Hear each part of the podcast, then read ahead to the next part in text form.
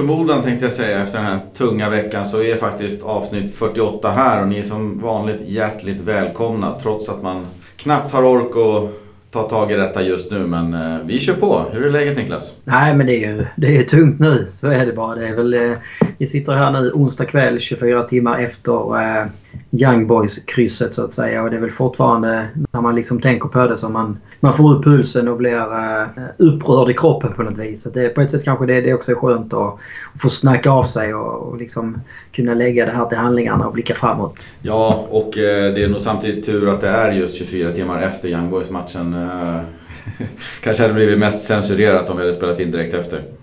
Precis, jag satt faktiskt eh, precis efter avblåsningen. Jag ska skriva, ska vi köra ikväll?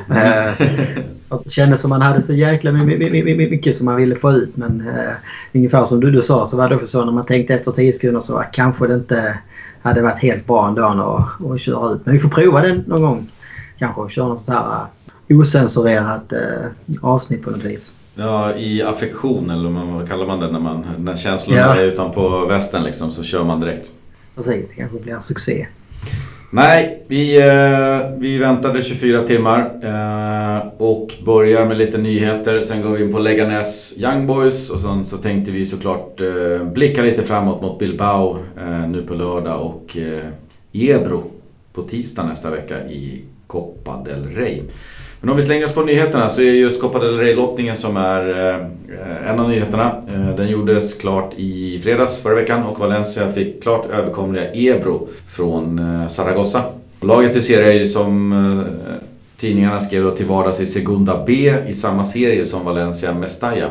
Ebro sladdar betänkligt i botten medan en seger på nio matcher och man fick dessutom då programenligt ska väl sägas stryk av Valencia Mestalla med 2-0 i premiären. Det känns ju som en, eh, en överkomlig motståndare över två matcher där man eh, gott och väl kan tänkas då eh, rotera mycket spelare och låta lite yngre få chansen. Ja, det borde det absolut bli. Det kan väl vara bra att få vinna någon match i år i alla fall också. Ja, och jag tror att det blir jättekul om de kan uh, ta in Escobar och Kangeli och, och, och, några till som får lufta lite och känna på lite A-lagsfotboll. Så, uh, bättre kunde det väl knappt bli än ett bottenlag i Segunda B. Nej. Sen har vi lite glädjande nyheter på skadefronten. Gedes och Mina tränar med laget fullt ut uh, idag onsdag. Och siktet är ju inställt på helgens match mot Bilbao. Däremot är väl jag lite tveksam om, om båda liksom färdiga för att liksom starta och spela 70 eller 90 minuter. Men jag tror att båda har helt klart siktet inställt på att vara med i truppen. Eh, och det är ju glädjande besked på alla sätt. Chirusha däremot tränar fortfarande ensam och lär inte vara med eh, aktuell för truppen. Nej, det känns som att när man väl kan få tillbaka en Guedes och Mina i speldugligt skick så tror jag de kommer vara väldigt välkomna i den situationen som laget är nu. Eh, kanske framförallt Guedes liksom med de egenskaperna han har, kunna bryta mönster och, och känns väldigt sårbar i offensiva utan honom. Och sen tror jag Santiminas egenskaper som han har som anfallare också kan komma mycket väl till pass, framförallt i det här läget man är nu. Eh, men sen blir det också, jag tycker det, det ska bli intressant att se när man har Santimina helt frisk. Eh, för det känns som, du kan inte, du kan inte gärna ha fyra anfallare med dig i truppen varje gång. Det känns som att eh, då, då får du nästan vila någon anfallare varje match utanför truppen.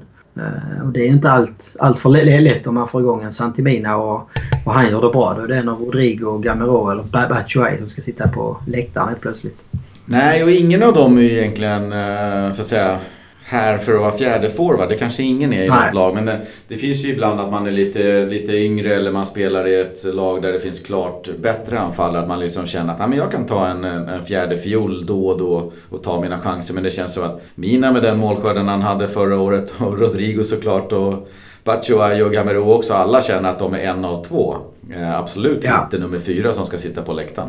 Ja, nej, nej men det är det som säger. Rodrigo ska ju kanske vara den självklara ettan. Nu har ju inte riktigt hans form visat det än så länge. Eh, Santimina som du är inne på efter säsongen i fjol så ville väl han ta ett steg till och verkligen liksom ta platsen på allvar. Han hade ju den långa stunder under våren. Och jag menar Batshuayi och Gamero har ju kommit till Valencia för att just bli startspelare. De, de har ju suttit liksom bänk i, i sina ordinarie klubbar tidigare. Eh, och man går inte till Valencia för att göra det här heller då.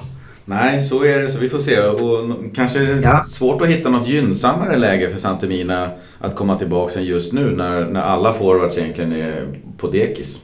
Ja, nej, och det känns som att hans, hans spelsätt eller hans spelstil på något vis också bryter eh, mönstret från, från vad de andra tre har. Så att, det är därför jag också tror att när han väl är fri så kommer han säkerligen få chansen. Det hade varit tuffare för honom att komma tillbaka nu om Valencia hade fått en kanonstart på säsongen liksom, och försöka mm. då slå sig förbi någon av de här tre. Det hade varit tufft. Men han har, han har väl haft lite flyt där om man nu ska liksom bara se det ur hans synvinkel. Mm. Han är inte delaktig i debaclet på samma sätt. Nej, Kanske kommer in med ett annat självförtroende också och känner att här har jag chansen. Så vi håller ja. alla tummarna och vi tar alla små halmstrån vi kan se där ute och försöker greppa dem. precis.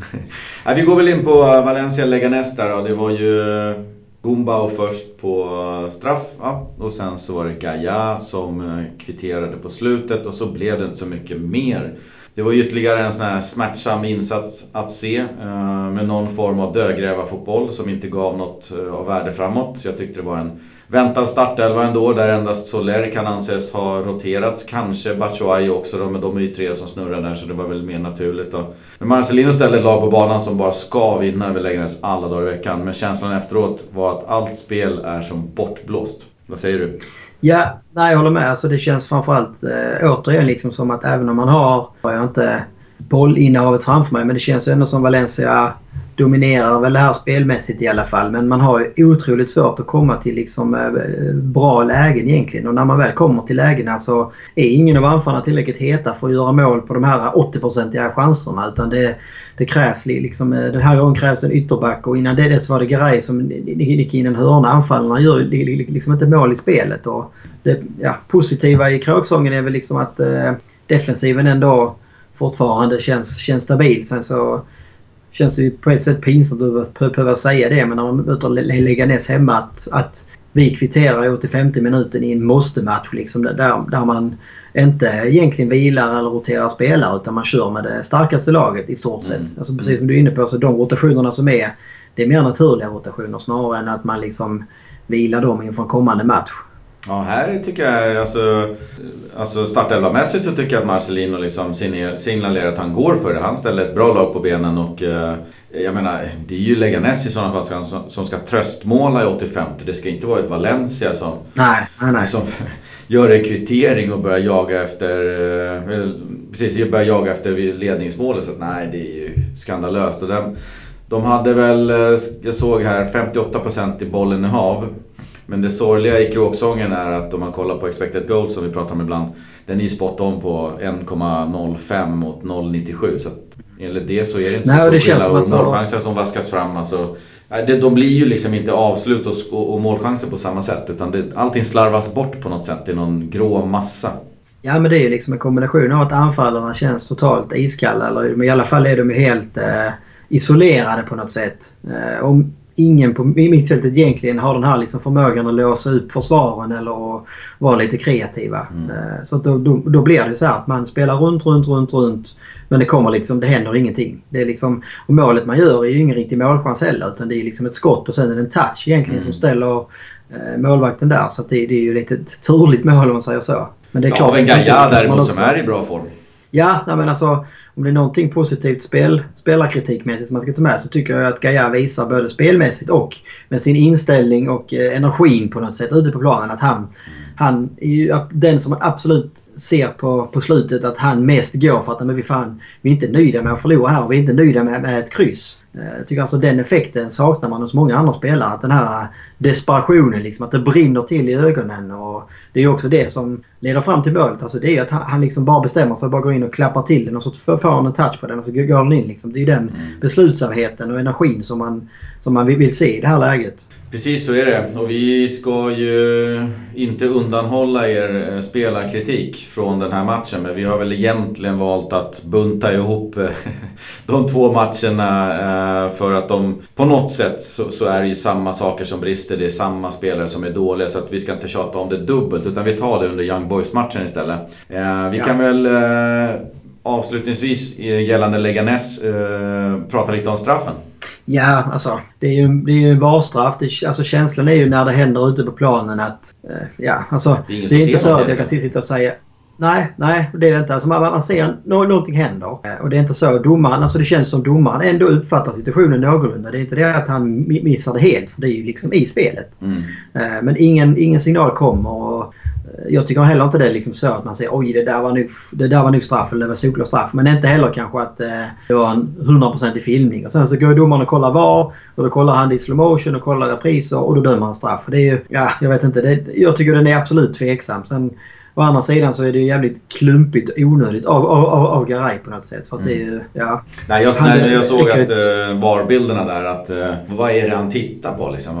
Jaha, han knäar han i mellangärdet där tänkte Ja. Nej, det här kommer han aldrig släppa. Han kommer aldrig släppa Nej. det. Det kommer bli sånt liv. Men samtidigt så tycker jag att det är så olyckligt att liksom, han ser ju inte spelaren och det är inte något fult eh, på så sätt. Sen, sen blir det att han, han träffar han där och, och han går ner och sådär. Så, att, ah, så, ah, så, himla, så himla olyckligt tycker jag bara. Ja, nej, men det är lite typiskt den situationen som man är nu också. Att man får dem emot sig på något sätt och man hamnar i de lägena. Eh, ja. Så att det, och det var ju liksom ett Valencia där ur självförtroende så får man en sån straff mot sig efter en timmes spel när man ändå fram till dess, alltså varit, även om man inte var bra så var man ändå bättre än Leganes. Tyckte jag. Eh, och Leganes skapar ju inte mycket, mycket, mycket mer än den här straffen egentligen. Så att det, ja, hade man liksom fått hålla 0-0 och så tror jag kanske Valencia, hade Valencia bara då fått hål på Leganes och fått 1-0 där i 70 eller någonting så kanske man hade kommit härifrån med en komfortabel 2-0 seger och ändå känt att det var, det var en skön match. Men eh, Behöver inte hjälpa är... motståndarna med straffar hela tiden. Vad har vi liksom? Uh, två mot uh, Juventus va? och sen mot Leganes och Young Boys igår. Det börjar bli en 4, 5, 6 straffar emot här som man släpper till. Ja, det är bara att kolla. Så den enda segern som vi har mot Sociedad då är det ju tack vare att Neto räddar straff där också. Mm. Annars hade vi inte... Annars hade det blivit ytterligare ett kryss. Mm. Behöver inte hjälpa dem med, med, med extra, extra straffar så att säga. Nej, på tal om straffar, vi kommer väl in på den här mot Young Boys, men det, det är det som irriterar mig mest efter Leganes-matchen. Det är ju när man ser de här eh, postmatchintervjuerna så att säga. Så är det ofta någon spelare och ibland är det tränaren också. Då stod Parejo där eh, och då hade man ju ändå hoppats att det skulle vara någon slags liksom, självrannsakan eller någon slags liksom, verklighetsförankring i alla fall. Eh, men istället så står han bara och säger i stort sett att eh, han är inte ett dugg orolig efter den här inledningen och han är helt säker på att det kommer vända hit och dit. Och det känns liksom så jäkla nonchalant och det känns nästan som liksom slå supportrarna i ansiktet på något sätt. Alltså, fatt, alltså, han undervärderar eller jag vet inte underskattar supportrarnas fotbollskunnande på något vis mm. genom att säga så. Men om inte... Om han som kapten är nöjd Ja, jag vet inte. Men, men om han som kapten är nöjd med vad är det? Sex eller sju kryss i ligaspelet och en enda seger efter nio omgångar. Alltså med det laget Valencia har och med de liksom lagen man har mött och man har precis bara fått 1-1 hemma mot Leganes och ändå har man liksom mage att stå och säga att man inte är orolig eller man tycker liksom inte det här är någon fara på taket. Alltså det, för mig var det liksom så motbjudande och ytterligare liksom kanske den absolut sista spiken i min Parejo-kista. Mm. I alla fall när det gäller hans lagkaptensroll. Att han som spelare kan hitta tillbaka ur sin formsvacka, ja det, det är ett bevis liksom. Men som lagkapten så har han förbrukat allt förtroende i min bok.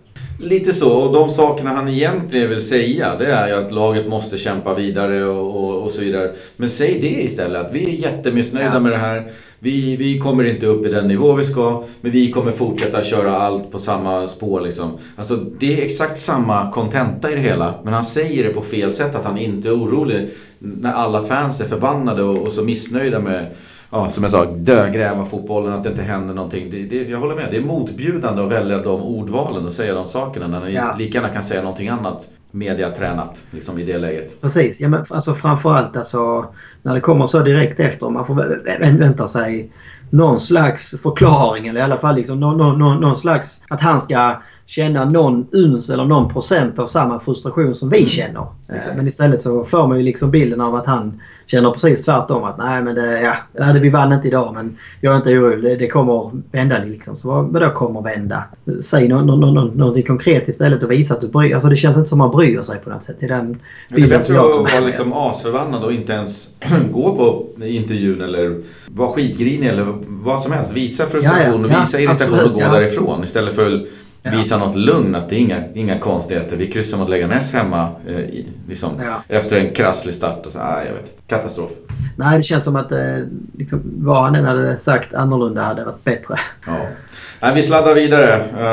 Uh, ut ja. på konstgräset i Bern i, i Schweiz. Eh, där blev det också 1-1. Vi hade ju Batshuayu som gav ledningen och eh, Orao som eh, kvitterade på straff. Eh, och det var egentligen den första halvlek som gav ledning i paus. Det slarvades bort helt och hållet i andra där Valencia var direkt usla. Eh, Young Boys tillåts komma till massor av chanser och Neto som är faktiskt riktigt, riktigt bra. Han är den ja. enda spelaren i, i den här matchen som får godkänt och han räddar oss från en förlust. Så är det ju bara. Eh, sen hade vi Kondoga, han sjönk betänkligt i nivå också, vilket jag var inte van att se. Eh, men det lär nog ha en hel del att göra med hans kamrater runt omkring som befinner sig i en total svacka. Och Ferran Torres, eh, många skrev att han var grön.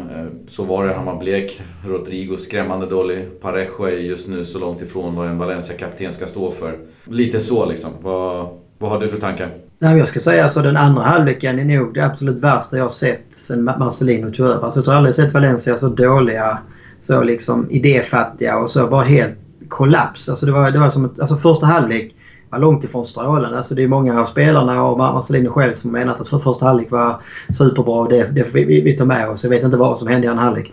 Första halvlek var helt okej. Okay. Alltså vi ska också komma ihåg vi möter ett Young Boys. Mm. Jag skulle likställa dem kanske med när Malmö FF ut i Champions League. Alltså det här är långt. Alltså det är ett lag som Valencia ska slå sju dagar i veckan, alla dagar om året eller hur man nu uttrycker sig. Alltså det, man, man, man, ska inte ens behöva hamna i ett läge. Alltså kolla United kör över Young Boys med 3-0 och då vet vi vilken höst som United har haft. Mm. Det, ja, jag vet inte. Det, det, och det, det känns så oroväckande för det liksom, man ser inga reaktioner eller no någonting ute på planen utan det känns liksom som att man bara sjunker längre och längre ner och det liksom blir sämre och sämre spel. Och istället för att nu det här var liksom en jäkla bra möjlighet att ta chansen i Champions League och samtidigt kanske få med sig en god bortaseger i Europa som kan ge självförtroende, som kan ge ny energi och som framförallt kanske kan ge lite lugn och arbetsro i gruppen. Mm. Då slänger man iväg det. Man får liksom för, för, första halvlek där man, där man långt ifrån är skitbra men ändå så kan man gå ut liksom i andra halvlek med en ledning och kunna spela av den eller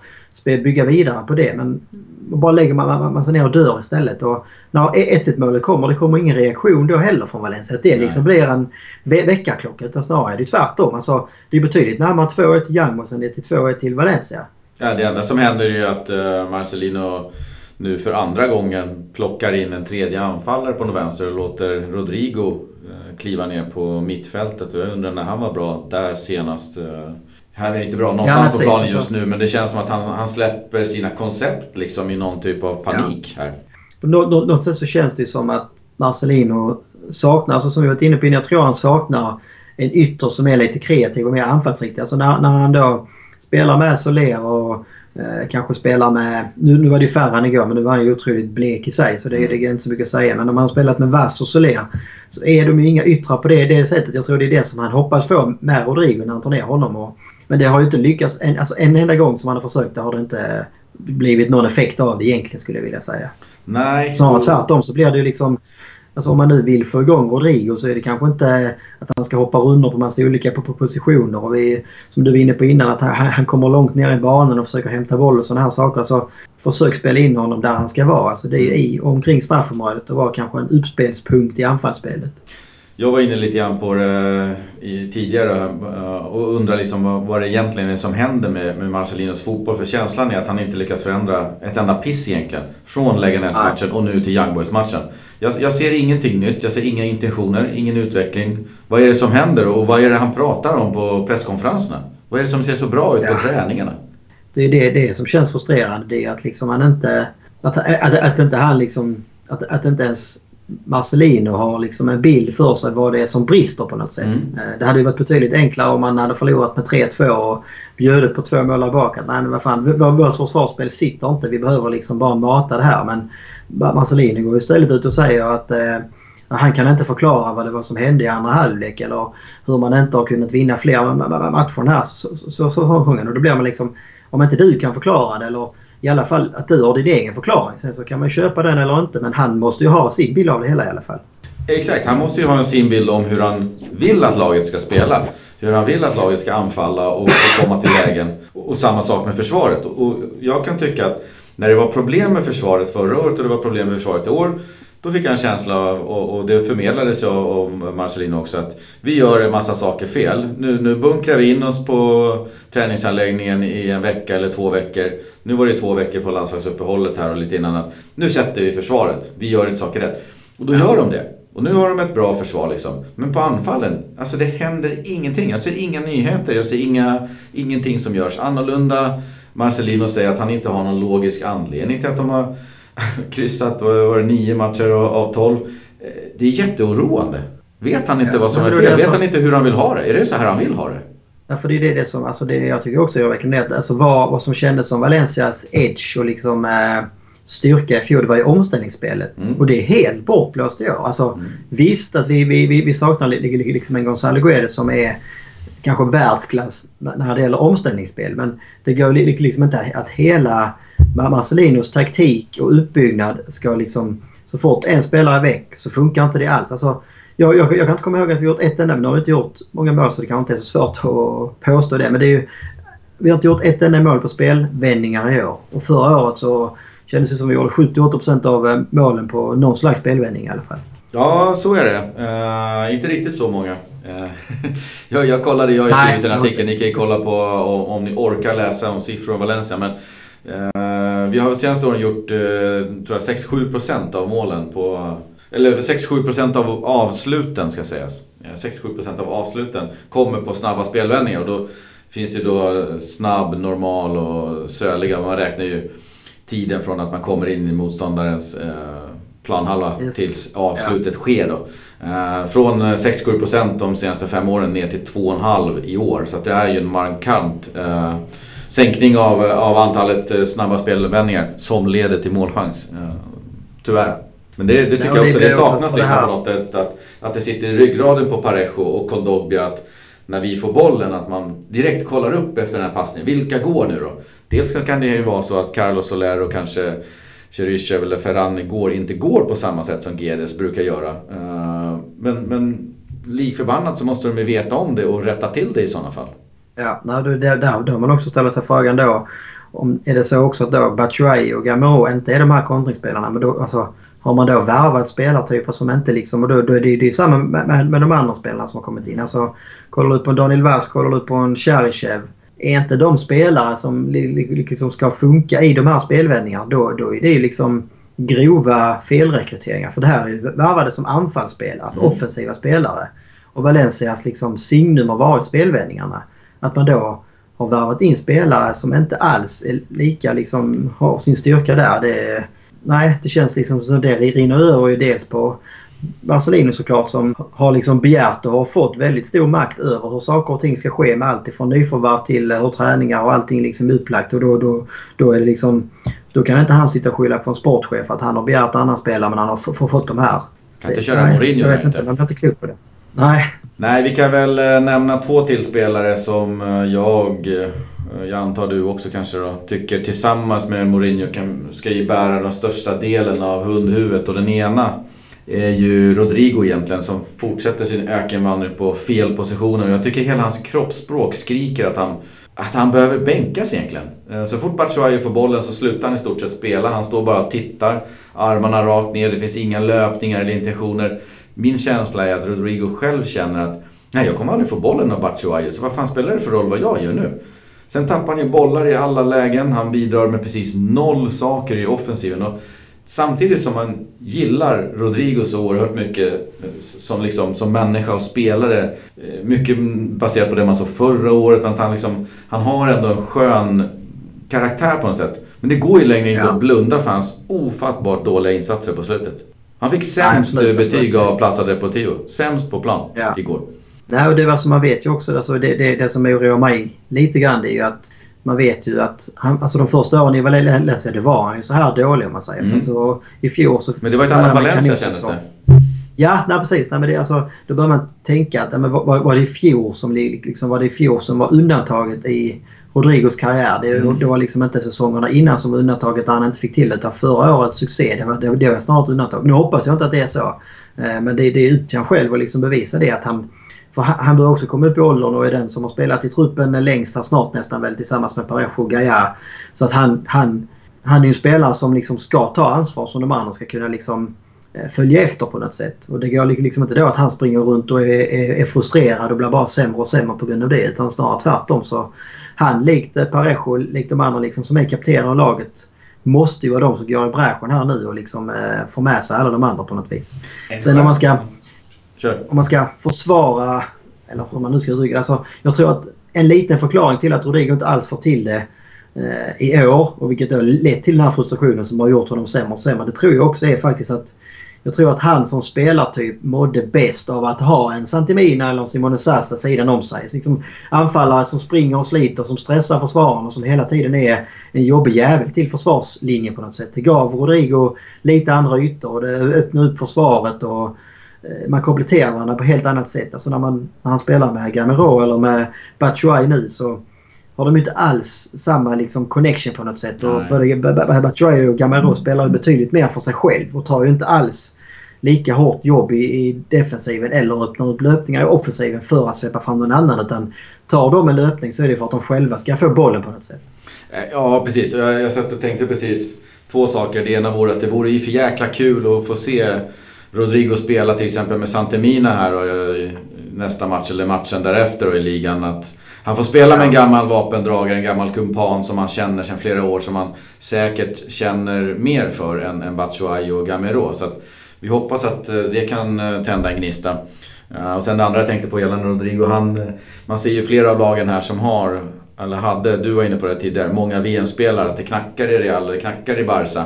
Rodrigo var ju ja. vår enda spelare som var i VM och han valde ju dessutom att komma tillbaks tidigare eh, från sin semester och, och, verkligen liksom egentligen vila ingenting i somras. Eh, och det kan ju Nej. kanske spela in i det. Han gör det ju ja, av det. kärlek och ambition till laget och vill verkligen visa att han är på tå och framåtlutad. Men ibland måste du låta kroppen vila. Ja, no, alltså kanske framförallt eh, så tror jag att du behöver låta huvudet vila. Alltså mm. fysiskt sett har de här säkert inga problem. Alltså de är så pass vältränade att det tar kanske någon vecka extra men sen är de tillbaka igen. Men alltså jag tror rent psykiskt liksom och mentalt. Så det, det, och det är det man ser, det är där han inte är där längre. Det är där han blir frustrerad, det är där han inte får till det och så vidare. Så där, det är väl där man kanske behöver ett break, bara komma bort några veckor under sommaren för att koncentrera sig på något annat. Ladda batterierna liksom. att få tillbaka suget och energin igen på något sätt. För nu är det liksom precis som fjolåret var liksom en, en enda lång säsong där Rodrigo långa stunder bar Valencia. Och det, det är klart att han liksom sög ur allt han kunde och han ville spela till sig en VM-plats. Och sen var han då med i ett VM under sommaren där det liksom också första med mästerskapet med alla intryck och allting som det innebär. Så att jag tror att han hade mått bra av att få ett lite längre uppehåll innan den här säsongen kom igång. För det känns inte som han rent mentalt har liksom landat i allting på något sätt. Och han hade ju också en stökig sommar som vi heller inte... Jag tror man ska underskatta hur mycket det påverkar spelare liksom med alla ryktena som var och hela vägen egentligen in till transferfönstret stängde på något sätt. Där han inte visste, ska jag vara kvar i Valencia? Kommer Real gå in och lägga ett bud? Och tränare i liksom mm. I Real Madrid som lovordade honom hit och dit. Och tror inte man ska underskatta hur mycket sånt. Alltså de är fortfarande bara personer. Eh, så det är klart att han har gått och tänkt ja, ska jag gå till Real nu? Ska jag sätta Ronaldo? Kan vinna titlar? Vad kommer det innebära för mig? Och hit och dit och hit och dit. Och sen så blir det ingenting till sist. Och så ska man då vända och ladda om liksom. Nu ska jag vara kvar i Valencia. Så förhoppningsvis så är det bara inom situationstecken sådana saker. Eh, för då, då, då, då, känns det väl ändå som att det liksom är rimligt att inom ganska kort tid skulle kunna vända igen mm. på något vis. Eh, och det är väl, det är väl, det är väl sådana saker som man får försöka spelarmässigt och bygga upp sitt hopp omkring. Det är liksom att det vänder för Rodrigo rent mentalt. Att vi får tillbaka en Gonzalo Guedes. För jag menar hans första 10 minuter mot Barca visar ju ändå vad han har för no någonting i sig. Och att hösten i fjol, det var inte bara en one-hit one utan uh, han kan liksom plocka fram det här igen. Och kan vi få tillbaka en Santimina som kan liksom röra till en del i anfallskonstellationerna kanske. Och det tror jag inte är omöjligt att han skulle kunna få igång alla tre anfallarna egentligen. För att jag tror att alla de här tre skulle må bra av att få spela tillsammans med Santivina. Ja, det tror jag också. Vi eh, ska väl vandra lite vidare här och det går ju inte eh, utan att eh, ta hissen kanske till och med en våning ännu längre ner och prata om Dani Parejo. Han var ju, tycker jag, som övriga laget ja, slätstruken eller möjligtvis okej okay i första då, där laget gör en okej okay insats. Men någonstans, han är navet i det här laget och det är han som, för mig, personifierar han raset som, som finns i andra halvlek. Som kapten så ska han ju lyfta laget, han ska kontrollera tempot och, och spelet ska han kontrollera när någonting går ja. dåligt. Då säger han åt Gaia, lägg dig ner i två minuter. Så pratar vi lite med Marcelino, vi samlar ihop oss här nu och så gör vi någonting åt det här. Och han ska dirigera, det ska, armarna ska flyga som på en stins liksom. Men det händer ingenting. Han, han fortsätter bara skänka bort bollar, han förstör allting i anfallsväg. Och sen lägger han liksom körsbäret på tårtan med den där katastrofala straffen. Jag vet inte, vad, ja, alltså vad, det... vad har hänt med Parejo?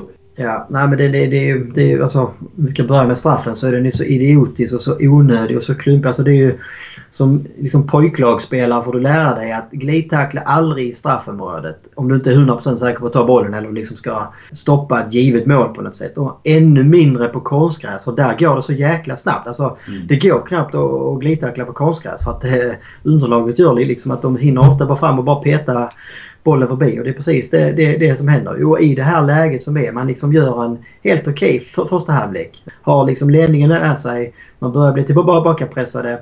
Att då göra en sån idiottackling och sätta laget i den situationen som lagkapten. Alltså, om det hade varit Ferran Torres som junior som hade gjort det så hade man väl haft lite förståelse för det på något sätt. Men jag vet inte, vi sa ju redan för några veckor sedan här när Parejo skulle vara avstängd och så här att eh, det är kanske dags nu att liksom ge honom någon match till här på bänken för att liksom eh, få honom att inse att han behöver liksom hitta tillbaka på något sätt eller att... Eh, jag vet inte. Eh, men det hände ju liksom ingenting. Han var ju tillbaka som om ingenting hade hänt efter den där idiotiska utvisningen. Och det har, alltså, vi har inte fått någon reaktion alls från honom. Parejo gör mig bara... Alltså jag blir bara frustrerad bara av att tänka på hans... Hans, hans utstrålning och hans energi ute på planen som liksom... Eh, det är ingenting i Parejo som liksom höjer laget nu. Hans spel tidigare har man i alla fall liksom kunnat säga att hans passningsfot och hans, hans hörnor, hans frisparkar och det här. Men det är ändå ett vapen som är bra att ha på planen. Men nu, nu har han inte det heller ens. Och han har, han har liksom den här dåliga energin han slår bort passningar och han tar liksom onödiga utvisningar. Han, han tar straffar i lägen som liksom sänker laget. Om, om, om inte det, det här liksom är anledningar nog till att peta honom i någon match eller ta bort kaptensbilden eller göra någonting. Alltså då, du vet inte, det är ju liksom tjänstefel av tränarna. Ja, alltså och, och, och någonstans så, så, tycker jag i alla fall att han hade en, en svagt upp, uppåtgående kurva liksom i sitt spel och sådär att ja, men det kanske är på väg någonstans men det, där, det har ju bara ramlat ner i källaren som ett lod liksom. Det, det, det, det, det var, jag vet inte, ihåliga ögon och katastrof. Jag vet inte om det finns så mycket mer att säga om det. Det är bara Nej, Otroligt frustrerande att hur, se hur han låter laget bara tappa allt utan att liksom... Alltså visst, han springer och kämpar. Men han måste också på, på något sätt bara verbal, han måste vara resolut, han måste veta vad det är som går fel och, och liksom prata med folk och rätta till och sen visa själv att så här ska vi göra istället. Men det finns ingenting av ja. det där just nu från Parejo han måste ju visa med, med sin rutin. Liksom, mm. dels, dels så ska han ju inte ta sådana här idiotiska straffar. Eh, vi har sett eh, hur många kort han har snackat till sig. Det var väl ett nytt snack, försnack mot Leganes. Alltså, det, det, det är sån energi. Om, om resten av laget ser liksom hans lagkapten, det är den som ska vara ledare ute på planen, beter sig och gör sådana dumma beslut. Det är väl inte sådana grejer som liksom lyfter laget eller ger energi till lagkamrater utan snarare tvärtom. Mm. Alltså han har ju... Han spelar ju fortfarande lika omoget som han gjorde för 4-5 år sedan. Men de här liksom ja, jag vet inte. Vi kan prata om honom längre. Nej, vi, vi släpper Parejo. Det blir bra, bra störande. Eh, en ja. annan grej som jag funderar på. Garay bänkad efter en start efter landslagsuppehållet. Var, jag vet inte, behövde han verkligen roteras? Nej, det kändes ju som väldigt högt spel av Marcelino. Liksom Garay har väl varit den bästa försvarsspelaren genomgående. Eh, och som du säger så har de precis haft ett långt landslagsuppehåll där han har kunnat vila sig i två veckor nästan och spelat en ligamatch mot Leganes. Eh, och sen så tyckte man att det blev för tajt här. Och nu, nu har man en match till helgen för vi, vi, vi, men sen är det liksom ingen veckomatch i kommande vecka förutom då Copa del Rey där jag antar att eh, Garay absolut inte kommer att spela. Så det kändes, kändes dumt och onödigt att vila honom igår. Ja, så är det. Sen eh, noterade jag att Young Boys tydligen sprang hela 4 km mer än Valencia i matchen. För vad nu det är värt. Eh, finns ju de som lägger oerhört mycket vikt i hur mycket man springer medan andra inte gör det. Eh, men, men det, det cementerar ju egentligen den bilden man, man får av ett håglöst Valencia som inte till synes ens vill spela. Nej, nej men det, alltså på något sätt så blir man inte förvånad när man ser det för att det kändes ju, det kändes ju liksom som Young Boys i andra halvlek verkligen kom ut som man hade hoppats att Valencia skulle göra. Ja, liksom att det här, det här är chansen nu att liksom fortsätta hålla liv i Champions League-drömmen på något sätt. Bara gå ut och ge det här 45 minuter nu så skapar vi oss ett jäkla bra utgångsläge inför framtiden. Och, och liksom, vi har ingenting att förlora. Bara, bara, bara, bara ut och kör. Släpp alla handbromsar. Tänk inte någonting. Utan bara ut och kör. Och det var det Young gjorde ju. Eh, men Valencia, ja, som, som vi varit inne på här nu i 20 minuter var liksom helt eh, passiva och så liksom Men de såg ju saker som var fel. ut. De såg ju saker som var fel. Precis. De gick in i Ja, omklädningsrummet. exakt. Ja. Tränaren sa säkert saker. En lagkapten sa säkert saker. Och så kommer man ut och så gör man det annorlunda. Och man vänder helt på steken. Och Valencia klarar inte Ja. där och då av att haja vad som händer. Eller Marcelino hajar inte vad som händer. Utan det är först när målet släpps in som han gör två stycken, kan jag tycka, helt okej byten. Och Kondobia var svag och, eh, och Ferran var ju såklart tvungen att gå ut. Och så Coquelin och Gamero in. Fine, jag köper väl det då. Men, men, men det är ju först när, när, när liksom kvitteringen faller. Har han inte sett vad som har hänt om liksom 25 minuter innan dess liksom? Nej, framförallt så kan man ju tycka att, att det är väldigt konstigt om, om han blir förvånad. Alltså, om det är någonting som de borde snackat om i pausen så är det väl okej. nu kan vi nog efter den här första halvleken. Vi leder med 1-0. Young Boys har hemmaplan. Det är liksom sista chansen för dem att gripa ett halmstrå och kunna ta sig till Europa League. Vi, vi, ska nog räkna med att de kommer gå ut och köra något liksom infernalisk press första kvarten här i en halvlek för att liksom få någonting med sig. För att liksom hitta en väg in i matchen igen. Alltså, det, det, det var liksom i min värld så var det väldigt, väldigt väntat att vi skulle få en reaktion av Young Boys i en halvlek. För att de, de var väldigt passiva i första halvlek. Mm. Och, och liksom, man hade bra tryck på hemmapubliken och att man liksom skulle ge, ge dem chansen på något sätt. Och, så att det är det, det, det, det man också känner. Det kändes som att Valencia och Marcelino liksom var chockade. Oj, det var ett annat Young Boys vi fick se här i andra halvlek. Vi hade trott att det, det, det skulle vara som i första halvlek att vi i lugn och ro kan spela av det här och vinna utan att få ta oss typ. Ja, någonstans eh, så, så när man ser att det, liksom, det viner skott runt stolparna, Neto står och skriker blir galen. Marcelino och Valencia, vi har ju inga kort på hand. Det finns ju inget kort Nej. vi kan spela känns det som, som, som bryter den matchbilden och tar tag i det igen. Utan vi åker med som de passagerare. Ja, nej men det är alltså både Marcelino får ta på sig en stor del också liksom då återigen de här ledande spelarna som är ute på planen måste ju också kunna se det. Alltså man, man ska inte behöva vara beroende av att en tränare ska stå och skrika sådana saker. Vi har ändå så pass många rutinerade spelare på planen som ska se samma saker som liksom precis som du säger. Ryck till när det är en frispark eller ett spelavbrott. Alltså samla tre, fyra spelare liksom säga nej nu får vi fan mig ta tag i. Nu tar vi liksom en frispark eller nu försöker vi hitta liksom, eh, li- li- lite spel på deras planhalva ett tag och liksom lugna ner det vid varje inkast för att liksom komma ur den här första eh, pressen här så att liksom matchen sätter sig igen. Men inget sånt händer. Alltså man får ingen reaktion av spelarna utan det blir... Man är liksom så passiva på något sätt. Skärpning. Ja, nej det är ju... Så börjar man kolla på statistiken också så blir man ju ganska orolig. Nu har vi... eh, Det var det nionde krysset på 12 ma- ma- matcher här den här Mm. säsongen. Och som alla vet så har vi bara en enda seger och det var ju liksom ingen direkt imponerande seger det heller. Eh, kollar man på Marcelinos statistik så eh, hans första 15 matcher som Valencia-tränare där hade han 11 segrar. Det var en fantastisk höst där i fjol. Hans senaste 15 ma- ma- matcher som Valencia-tränare har han tre segrar. Det är ju då de här 12 i höst och de tre sista under våren. Så två av de här segrarna kom ju de- de- dessutom då i våras. Så det är ju, Mm. Jag börjar liksom känna att eh, många vibbar och så här déjà vu-känsla hur det var för eh, vad är det, tre år sedan eh, när vi hade Nuno som tränare. Mm. Att första säsongen när han kommer in så blir det liksom en fullträff efter några skrala år i ligan. Man får bra poängskörd, man kommer tillbaka till Champions League. Eh, förväntningarna efter inför då säsong två är höga. Man ska spela Champions League och man ska bygga vidare på det här spelet. Man liksom så eh, första året med den här nya tränaren och man liksom ska befästa sin plats i topp 3-4 i La Liga och så här. Eh, men så går man ut och så blir det liksom platt fall direkt under hösten och så är man tillbaka liksom på ruta ett där man var eh, för två år sedan. Det är ju det, är det här som absolut inte vill hamna i igen. Eh, att det liksom nu ska sluta med kaos här i höst. Tränarbyte och som tionde plats till våren. Ja precis, Nuno så tar vi in eh, Gary Neville och Paco Esteban Ja. och samma karusell. Alltså det får ju inte hända. Och det, känslan är också att vi befinner oss inte i samma läge så det ska ju inte behöva hända. Men, men jag menar, Marcelino är ju på väg ut mot plankan nu så det är inte många steg kvar än det, det börjar bli befogat att snacka om att det kanske är dags för ett byte. Ja, nej, så absolut. Alltså, hade det varit någon annan än Ma- Marcelin, alltså vi har, ju- kollar man liksom på...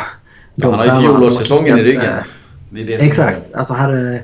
Kolla när eh, eh, både Paco Erstan efter, efter sin höst där och också... Eh, vad heter han? El Flaco. Ja, Eh, Pellegrino. Pellegrino, precis. Alltså det var inte, det var inte så att de, de fick en hel höst till juluppehållet på sig direkt. Och, eh, Nej, de hade liknande poängskördar. Jag tror att eh, Flacco hade 12 och, och eh, han? Paco Esteban hade 9 eller någonting efter 9 Ja. omgångar. Så det är liknande poängskördar. Sen fick de ju sparken i omgång typ eh, 13-14 där. Så att, eh, mm. ja. Nej, sen så alltså... jag hoppas fortfarande på att, att Marcelino ska hitta rätt. För att det är ändå... Alltså det känns... Pappret så har man ju, alltså man har ju byggt ihop ett bra lag på det sättet. Man måste, alltså försäsongen såg bra ut. Eh, det har ändå varit en del tendenser i en del matcher där man har kunnat se högsta nivån här. Mm. Eh, men det är ju uppenbart så är det ju någonting, om det nu är, ser, ser så bra ut på träningarna som, som både spelare och tränare pratar om, så är det någonting som man inte får ut i match. Eh, om det nu förhoppningsvis bara liksom sitter i det psykiska kanske med lite självförtroende och med liksom lite flyt stolpe in och liksom få de här grejerna med, med sig. Få tillbaka då de här skadade spelarna som kanske då betyder mer än, än man trodde. Eh, att det liksom är, är de här små, Småsakerna som sammantaget kommer liksom göra att eh, hela laget lyfter. Och, så är det. Vi befinner oss ju nu i, i oktober och det är inte läge för att sparka tränare. Det är inga klubbar som gör det. Uh, inte ens uh, Paco eller uh, Pellegrino sparkade så snabbt. Så att det är inga, ingenting att fundera på just nu. Uh, han måste få åtminstone till december på sig, uh, tycker jag.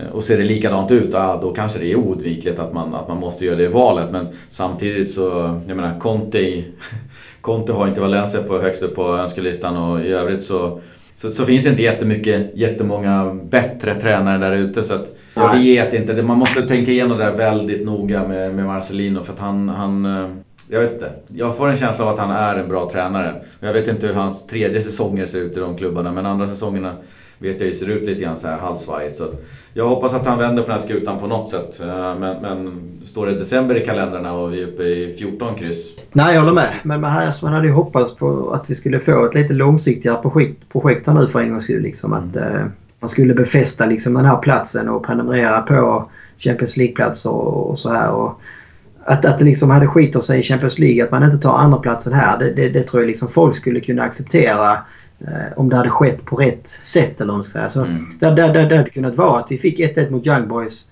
och det hade kanske inte känts så jävligt som det gör just nu. Om man hade liksom ändå känt att vi gjorde en bra...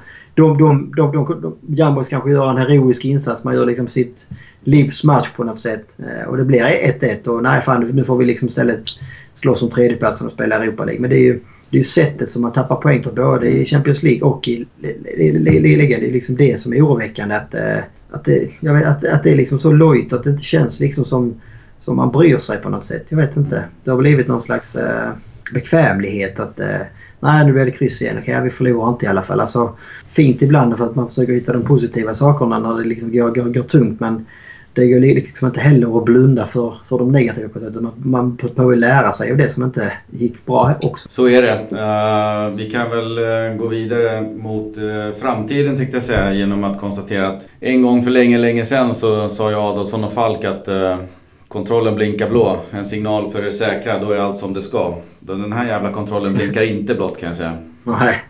Den blinkar röda saftblandare så att skärpning för hela laget och så jinglar vi lite och så försöker vi hitta lite framtidstro. Då har vi i alla fall nästa match. Eh, solen går ju alltid upp som bekant, eh, även efter en, ett kryss borta mot Young Boys. Eh, Bilbao borta för Valencia på lördag. där är det som sagt oklart om Santemina och Guedes är uttagbara, men vi håller alla våra tummar. Cheryshev lär ju inte vara det. Uh, matchen handlar väl, ja, vi har ju sagt det varje gång, det handlar om tre poäng. Det är väl inga konstigheter, det brukar väl alltid göra. Men, eh, och blir det inte vinst så, så, jag vet inte. Alltså blir det en förlust mot ett At eh, Athletic Bilbao som sladdar betänkligt så, så då börjar nog avropen på, på Marcelinos avgång eka där ute. Och jag vet inte, om vi ska snacka rotationer och, och startelver nog fan har rotationsturen kommit till Parejo den här gången tycker jag. Uh, vilka vill vi så, i så fall se centralt?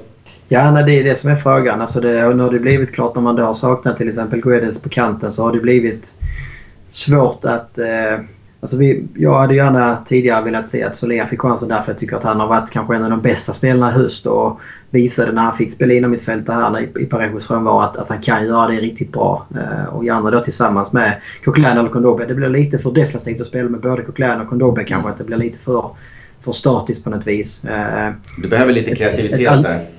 Precis. Nej, men ett alternativ i så fall, nu tror jag aldrig kommer att hända, men det är ju om man skulle liksom kolla på och prova ett annat spelsystem. Eh, nu, kanske, nu behöver man kanske träna och liksom spela in det på lite längre sikt. Men ett 4-2-3-1 där man kan spela med både Coquelin och Kondogbia som sittande. Mm. Och sen kan du då ha en, eh, ja, om du har en, du hade till och med kunnat ha en Rodrigo kanske framför där. Som är liksom lite offensiv och sen kan du då ha Guedes och, och Soler eller uh, Cherchev på, på, på kanterna. Och, men ja, det, det, det lär inte hända mot, eh, mot Bilbao så att säga. Utan det är väl mer eh, spekulationer. Men eh, som du säger så hoppas jag också att Parejo nu får vila. Eh, tror jag kanske inte det, det, det, det, det lär hända tyvärr. Kondogbia såg ju blek ut senast och Coquelin startar på bänken då så det är väl inte omöjligt att Coquelin startar på innermittfältet. Backlinjen, Garay kommer väl tillbaka. Får väl se. Gaia var ju lite sliten inför Young Boys. Vi får väl se om han eh, hur hans kropp mår att kunna spela match så här tätt på igen eller om Tony Lato får chansen till vänster. Ja, ska de ge Lato chansen det... då är det ett måste att ha Garay och, och Gabriel i mittlåset. Det går inte att slänga in någon Diakby på bredvid Lato. Det räcker med en så kallad säkerhetsrisk där. Ja, nej, det, det, det, det är jag rätt säker på att inte kommer att starta och Garay kommer att starta där. Så det är frågan om Rio eller Gabriel spelar. Eh, Gabriel har väl startat i stort sett nästan varje match är väl känslan så han lär väl starta en kanske. Så det är väl eh, som vanligt kanske då anfallsbara framåt hur det ser ut. Om det är Gamero och Batman som, som får starta nu. På ett sätt hade jag kunnat tycka Santimina kanske inte. Han har inte gjort en enda minut i ligan i år. Men jag kan känna att om man anser att Gonzalo Guedes är tillräckligt fit för att vara med i en trupp så tycker jag att man lika gärna kan starta med honom. Fine, alltså spelar han 60 minuter då ge han hellre 60 minuter och liksom kunna få chansen att komma igång på något sätt. Han får 20 minuter här och sen så kan han kanske få en halvlek i kommande matcher. Så det, det han behöver är ju matchtempo på något mm. sätt. Sen så tycker jag inte man, man ska... Alltså, är han inte redo för att spela mer än 30 minuter? Nej, då ska han såklart inte starta. Men jag hade gärna sett, om han är tillräckligt fit, hade jag gärna sett honom från start för, för att få lite fart i anfallsspelet. Och det känns också som att man, man, man ska kunna straffa Bilbao i omställningarna. Men när vi då saknar Cherchev som kanske är den som liknar Guedes mest så blir det ju ännu mer aktuellt att, att få in Guedes i, liksom på planen så fort som möjligt. Ja, så är det. Uh, och sen så är ju såklart medicinmännen i Valencia skickligare än mig på, på vad det är för skada han har och, och, exakt hur en sån skada beter sig. Men jag tänker att om du liksom har dragit en, en lårmuskel eller har en bristning eller en sträckning att det är ganska lätt kanske, eller i alla fall lättare då, jag kanske kan gå upp igen men jag, jag vet inte, den här kändes som det är en engångsgrej. Att du, du, du, drar den här äh, ljumsken på eller vad det nu var liksom, eh, på, på ett, en gång och sen så får det liksom vara bra med det. Och, och där måste de ju helt klart vara hundraprocentiga på att eh, Gedes är redo för start eller inte. Och släpper man nu på honom på träning eh, en onsdag när du har även torsdag och fredag på det så känns det ju som att då fan ska han kunna eh, åtminstone hoppa in. Möjligtvis kanske få ja. 60 minuter i alla fall då, mot ja. Bilbao. Ja, Nej, det är klart alltså man kan ju vrida och vända på det att det kanske är bättre att starta då med Daniel Wass eller nå mm. någonting så här. Eller Ferran kanske ska få chansen igen. Eh, och sen kunna slänga in en Guedes i paus eller direkt i andra halvlek. Eh, och få, få 30 eller 40 minuter när då Bilbao börjar bli lite tröttare där bak också. Kunna få in liksom Guedes speed framåt. Det, det kan ju också vara ett, ett bra framgångsrecept kanske. Och det, det känns ju liksom som Valencia. Nu möter man ett Bilbao som om möjligt har ett ännu sorgligare facit än Valencia och en ännu mm. tyngre start på ligan än vad Valencia har haft. Och en tränare i Berizzo som också hänger väldigt löst om man säger så. Skulle man nu förlora liksom ytterligare en hemmamatch och befästa sin position i botten. Och man, man spelar ju det dessutom den här uppskjutna matchen mot eh, Rayo här ikväll onsdag. Så att eh, man har också haft en veckomatch vilket såklart är skönt för Valencia att inte Bilbao kunnat gå hela veckan här och kunna träna och fokusera på mötet med Valencia. Utan de har också 90 minuter i benen och man fick bara 1-1 mot Rayo. Nej precis och de låg ju under där också så eh, Sen vet jag inte alltid vad det där betyder med hur mycket man vilar och inte men det är ändå väldigt tajt schema och här är det ju 24 timmar mindre vila för Bilbao så att eh, Jag hoppas att det fäller lite avgörande. Ja, jag tror inte Bilbao på samma sätt har en trupp heller för att matchas. Alltså Valencia har ju ändå uttalat inför denna säsongen byggt en trupp som ska klara av att tävla i olika eh, tävlingar och spela två matcher i veckan. Liksom. Alltså, tror inte Bilbao alls har samma bredd där eller är liksom vana vid det. Sen såklart vi har inte kommit så långt in på säsongen att det kanske börjar märkas supermycket men man har ju också liksom fortfarande beroende av en Aritz Adoris i anfallet som är 37 år. Och det är väl kanske de här spelarna som det det kan märkas tidigare på. Att inte kroppen hinner återhämta sig på samma sätt som den gjorde förr. Nej, håller vi koll på Adoritz och Munjain och Iñaki Williams där så eh, med defensiven ser okej ut så, så ligger ju... Alltså vinsten finns ju där ute, gå ut och plocka den. Vi sladdar väl vidare. Ebro. Har aldrig hört talas om det laget. Eh, Valencia på tisdag. Eh, 19.30 spelas ju uppe i eh, Zaragoza. På Real Zaragozzas La Romareda. Just det, de hade inte eh, någon hemmaplan själv som dög att spela i... eh, Nej, konstgräset verkar ju vara okej eftersom Young Boys fick. Men den tar bara in 1200 personer och den faller ju på flera olika regler för att vara med i den här nivån på Copa del Rey. Så att eh, där byter de till La Romareda. Det knappast spela någon roll för Ebro tror jag. Nej.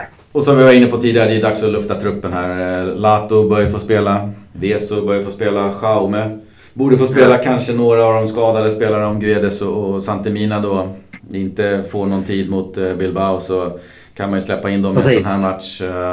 Och så flera Garanterat, juniorer garanterat kommer Santemina spela ganska många minuter här. För jag tror inte, även om han är med i truppen till helgen så kommer det i så fall bli ett mycket kortare inhopp för honom eftersom han inte alls har någon matchtempo i sig. Eh, så det är, för honom är det en perfekt match liksom att få spela en cupmatch som, ja, som gäller no, no, no, någonting om man säger så men som liksom ändå är mot ett lite behagligare motstånd så att säga för att kunna växla upp. Eh, Verkligen och när han är tillbaka så har vi fyra anfallare så att absolut ge, ge Santemina speltid. I Nästa match är ju lördagen där fyra dagar senare mot Girona hemma så att det inga konstigheter. Det ska bli kul att se lite annat Valencia förhoppningsvis då. eh, På en annan nivå såklart också. La Liga och Champions League när man möter Ebro. Eh, De har ju ja, gått katastrofalt i, i Segunda B. De har gjort fem mål framåt och det är ju faktiskt ännu sämre än Valencia på nio matcher. Det är ett riktigt blåbärsgäng.